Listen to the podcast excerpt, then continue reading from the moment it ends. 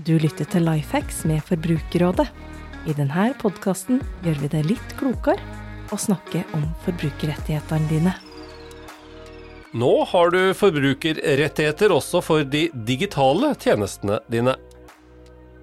Husk for all del på forsikring når du skal bruke elsparkesykkel. Lifehacks tar en titt på lover og regler som er nye for oss forbrukere i 2023 i denne første episoden i år.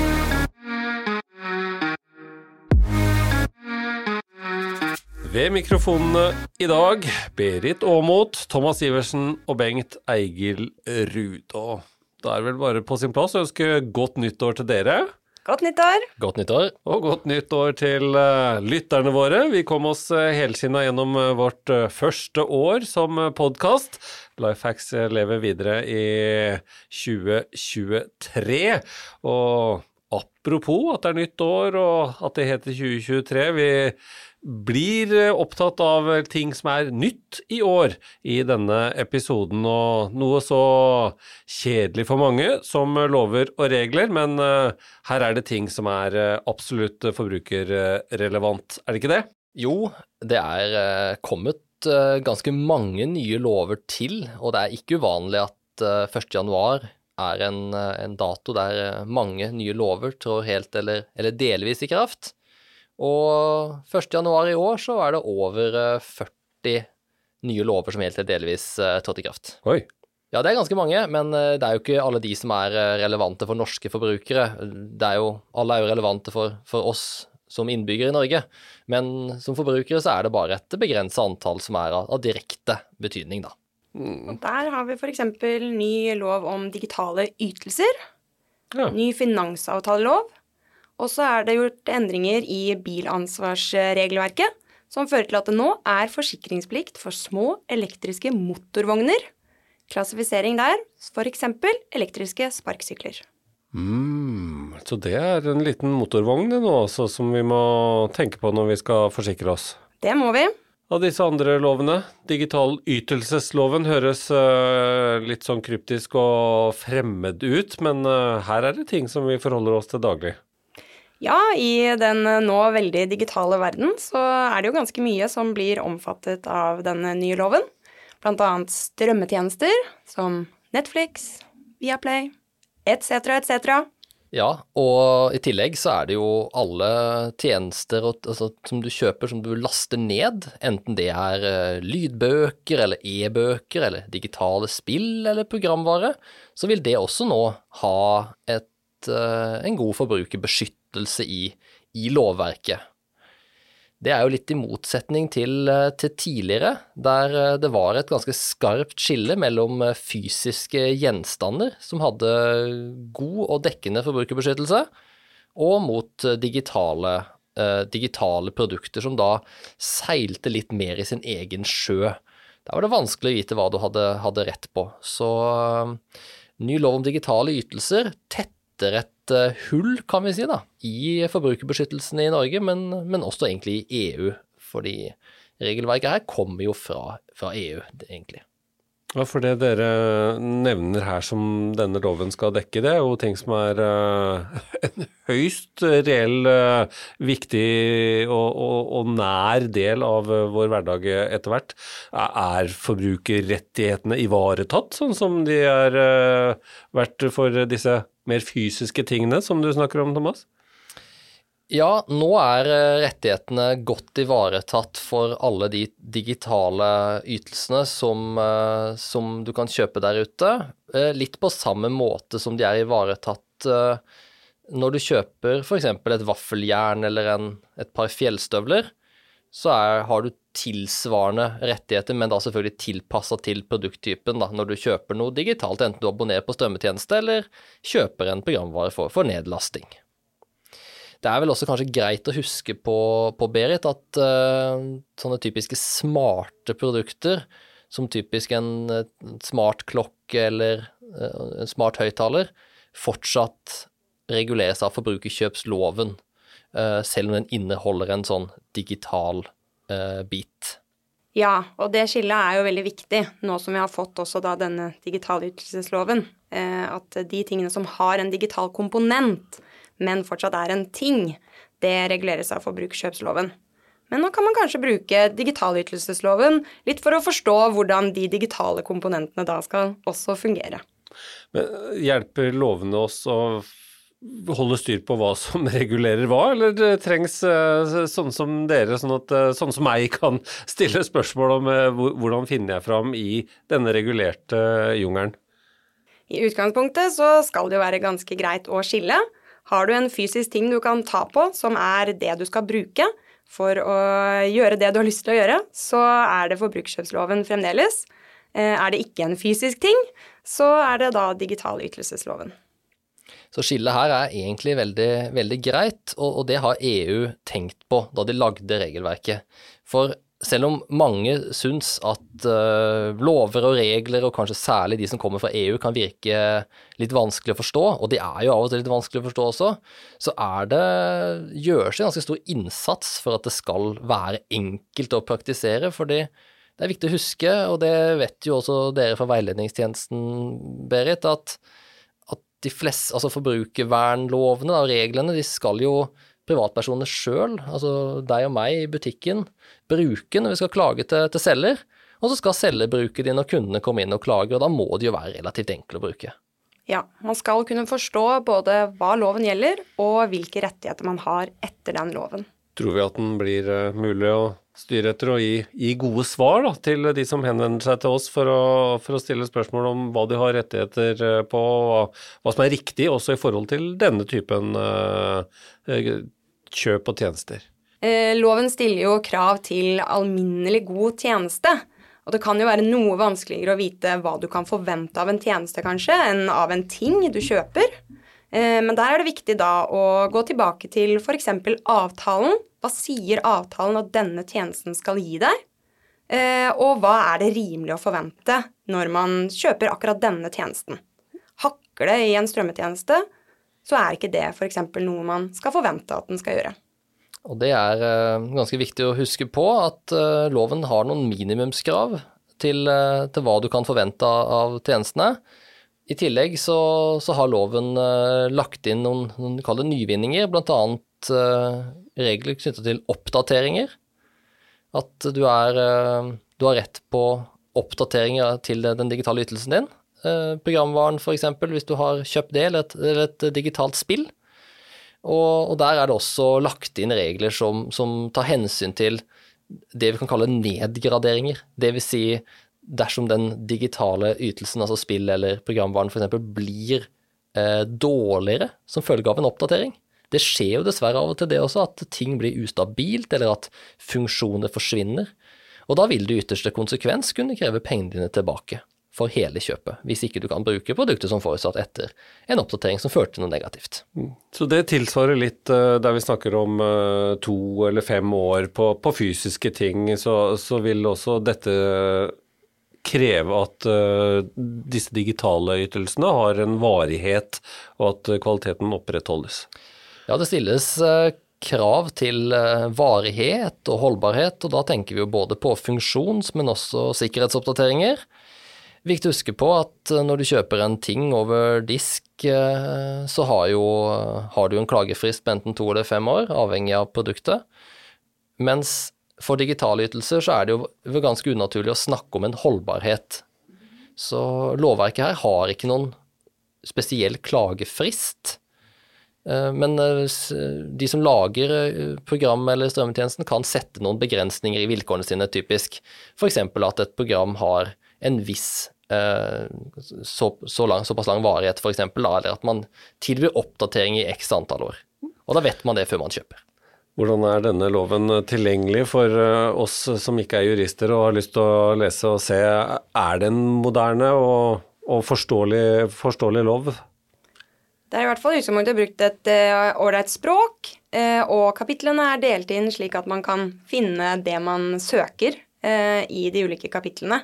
Med da både krav til tjenesten og disse oppdateringspliktene, eget om bindingstid og oppsigelse, hvilke rettigheter man har i forhold til det. Og det er jo noe som er veldig viktig med den nye loven. Bl.a. at det er satt begrensning i hvor lang bindingstid det kan være på en tjeneste man kjøper. Og også at man skal bli varslet eh, når en, løp, eh, en ytelse løper. Slik at man f.eks. kan ha anledning til å si opp tjenester som man ikke bruker lenger, men kanskje har glemt at man eh, abonnerer på. For det er det jo mange som opplever. De har en strømmetjeneste f.eks. som bare tusler og går, og som du egentlig glemmer til slutt. Og så, Det hørtes kjent ut, og så plutselig oppdager du at den har trukket eh, penger i flere år. Da skal du få et varsel minst hver sjette måned om at uh, tjenesten løper, uh, med opplysninger om hvordan du skal kunne si opp. Og loven presiserer også at det skal være enkelt å si opp, noe Forbrukerrådet ved flere anledninger har sett at det faktisk ikke er. Vi pleier å si litt sånn eh, slagordmessig at det skal være like lett å si opp som det er å inngå avtale. Mm. Så der skal vi fortsette å passe på. Der må vi passe på. Ja, Dere nevnte et par andre lover, bl.a. finansavtaleloven. Nå har vi i Forbrukerrådet vært eh, opptatt av og hatt eh, fokus på svindel med bank-ID f.eks. Er det noe en ny lov kan være med på å fikse, eller rydde opp i, eller gjøre oss klokere på? Ja, i den eh, nye loven så har man nye bestemmelser om ansvar ved misbruk av elektronisk signatur, altså gjerne bank-ID eller andre elektroniske ID-er. Hovedregelen eh, etter 320 første ledd skal da være at tjenesteyteren, gjerne banken, er ansvarlig for tap som oppstår ved misbruk av elektronisk signatur.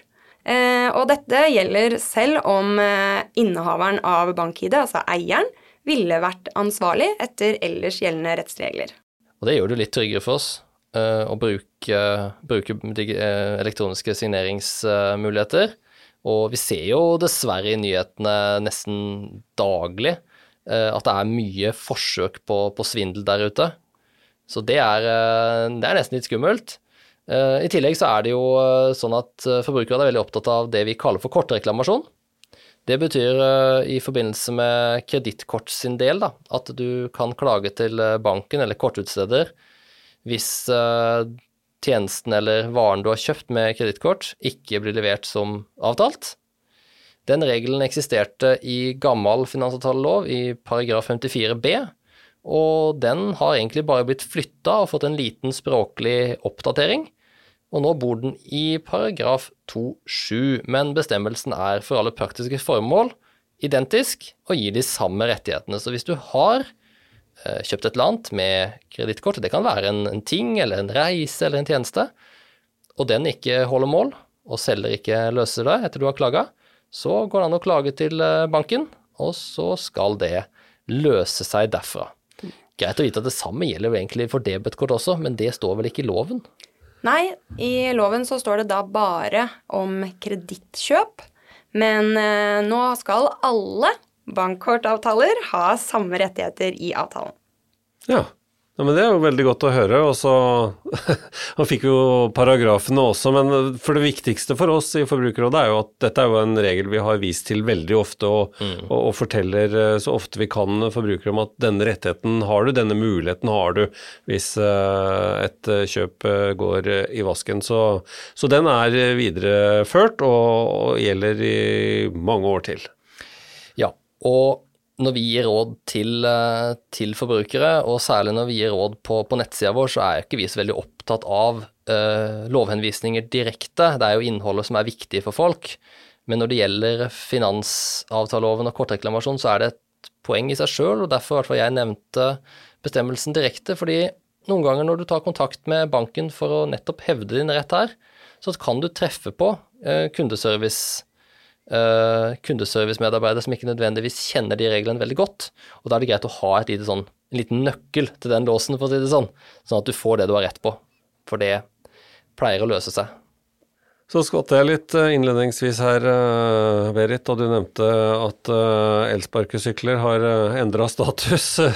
For det er jo nå blitt et redskap mange bruker til å komme seg fram, og mange har sin egen. og ja, Vi kan kanskje til og med si at det er blitt et slags allemannseie. Masse elsparkesykler eh, rundt omkring, og her er det nye regler som vi er nødt til å være obs på. Ja, det ble altså en omklassifisering eh, fra sykkel til liten elektrisk motorvogn. Det skjedde allerede i juni, men virkningene av denne omklassifiseringen har blitt utsatt nå til 1. januar. Og det er da forsikringsplikten inntrer. Og det er jo motorvogn her som er eh, stikkordet, og det er et litt sånt jussete begrep. Eh, Det mest nærliggende her er å tenke på bil eh, som motorvogn. Det er jo en typisk motorvogn. Og man snakker ofte om bilansvar, men nå kan man like gjerne snakke om sparkesykkelansvar. Oi, ja. Ansvar for når du kjører en motorvogn, enten det er en liten elektrisk motorvogn eller en stor bil f.eks., da er ansvaret sånn at så lenge motorvognen skader enten ting eller, eller personer, så er eh, eieren, eventuelt føreren, ansvarlig, helt uavhengig av skyld. Du kan ha kjørt helt forsiktig og fint. Så lenge det er eh, sparkesykkelen som, som fører til skaden, så er eieren, eventuelt føreren, ansvarlig. Og derfor dette kravet om forsikring, da, som eh, også da blir nytt med dette. Og derfor blir det krav om forsikring. Ja, og ved å innføre en forsikringsplikt, så passer man jo da på å ivareta både føreren, men også den som eventuelt skulle bli skadet eh, ved en ulykke. Og derfor eh, er det kjempeviktig å få forsikring. Det er også veldig greit å huske at hvis du kjører en uforsikra sparkesykkel, så risikerer du et veldig, veldig stort ansvar økonomisk hvis du skulle være uheldig å skade gjenstander, bygninger eller andre personer. Det er terskelverdier som fins i, uh, i bilansvarsloven, uh, og de er veldig høye. Grensa for uh, tingskader er 100 millioner kroner, mens mm. tilsvarende terskel hvis du kjører på personer, er, eh, er uten, uten tak. Mm. Så du kan i praksis ende i bunnløs gjeld hvis du er maks, maks uheldig her. Så pass på forsikringa di. Det er en billig forsikring, koster mellom 50 og 100 kroner måneden, eh, i hvert fall i dag, og det er jo grunn til å tro at konkurransen mellom aktørene og, og eventuelle forsikringstilfeller utover året vil kunne føre til at den går enten opp eller ned. Så her er det greit å følge med og sammenligne litt, så er du sikker på å ha en konkurransedyktig forsikring. Mm. Ja, det var eh, litt nytt å forholde seg til i 2023. Kommer det, kommer det noe mer, eller er det årsskiftet som er eh, liksom tidspunktet for at det nye dukker opp? Eh, ja, det er jo mye nytt på gang. Eh, man kan jo aldri vite akkurat når en lov som er under arbeid, eh, kommer til å tre i kraft. Det er i hvert fall ny forbrukerkjøpslov på vei, og det kommer til å bli endringer i pakkereiseregelverket og annet regelverk om reise, togpassasjers rettigheter. Og så er det også nedsatt et nytt eh, utvalg for å se om eh, det skal gjøres endringer eller skrives ny husleielov. Og særlig forbrukerkjøpsloven er jo, som Berit sier, under revisjon. Og Det er jo veldig relevant, da. det er veldig relevant. Og det gjelder jo disse, alle disse gjenstandene vi kjøper, enten det er eh, vaskemaskin eller, eller en bukse. Mm. Um, og da er det jo greit å tenke, huske på at da vil også forbrukerkjøpsloven eh, fornyes med tanke på smarte produkter. Sånn at eh, noen av de reglene vi ser i lov om digitale ytelser, som vi snakket om tidligere, vil eh, også kunne eh, flytte seg litt inn i forbrukerkjøpsloven. Sånn at du vil få konkrete rettigheter knytta til de, de smarte bitene av, av både smartklokker og for den saks skyld biler, som i dag har blitt mer eller mindre rullende datamaskiner. Så oppdatert og modernisert, da, og tilpassa de lovene som er tilstøtende. Ja, modernisering, rett og slett. Ja, et regelverk som følger med i tiden. Vi kjører på med kuriosa fra veiledningstjenesten i denne sesongen av Life Hacks med Forbrukerrådet også, Berit. Og du har eh, bladd litt i blant henvendelsene vi får inn, og funnet noe som eh, skiller seg litt ut. Ja, det har jeg. Innringeren i dag hadde bestilt seg en ny bil basert på at han skulle få arv. Han hadde blitt forespeilet en sum på arven og tatt utgangspunkt i det ved bestilling. Nå ble både utbetalingen av arven utsatt, og arven ble mindre enn først antatt. Og da hadde han ikke egentlig råd til den bilen lenger. Han hadde ikke lyst til å avbestille bilen, men helst klage på advokaten som var ansvarlig for arveoppgjøret. Det er dessverre litt dumt å kjøpe en bil man egentlig ikke har råd til. Så det var nok dessverre ikke så veldig mye annet å hjelpe den forbrukeren med. Nei, fra tid til annen så kommer det noen ikke vi kan uh, hjelpe eller uh, svare ut hos oss heller. Takk for at uh, dere var med i denne episoden, Thomas og Berit. Takk for oss. Takk for oss. Vi høres. Takk for at du hører på Lifehacks. Du får nye episoder fra oss annenhver uke. Abonner gjerne, så får du nye episoder der du liker å høre dem. Hvis du vil komme i kontakt med oss for ris og ros, eller vil dele din beste lifehack, send oss en e-post på lifehacks.forbrukerradet.no.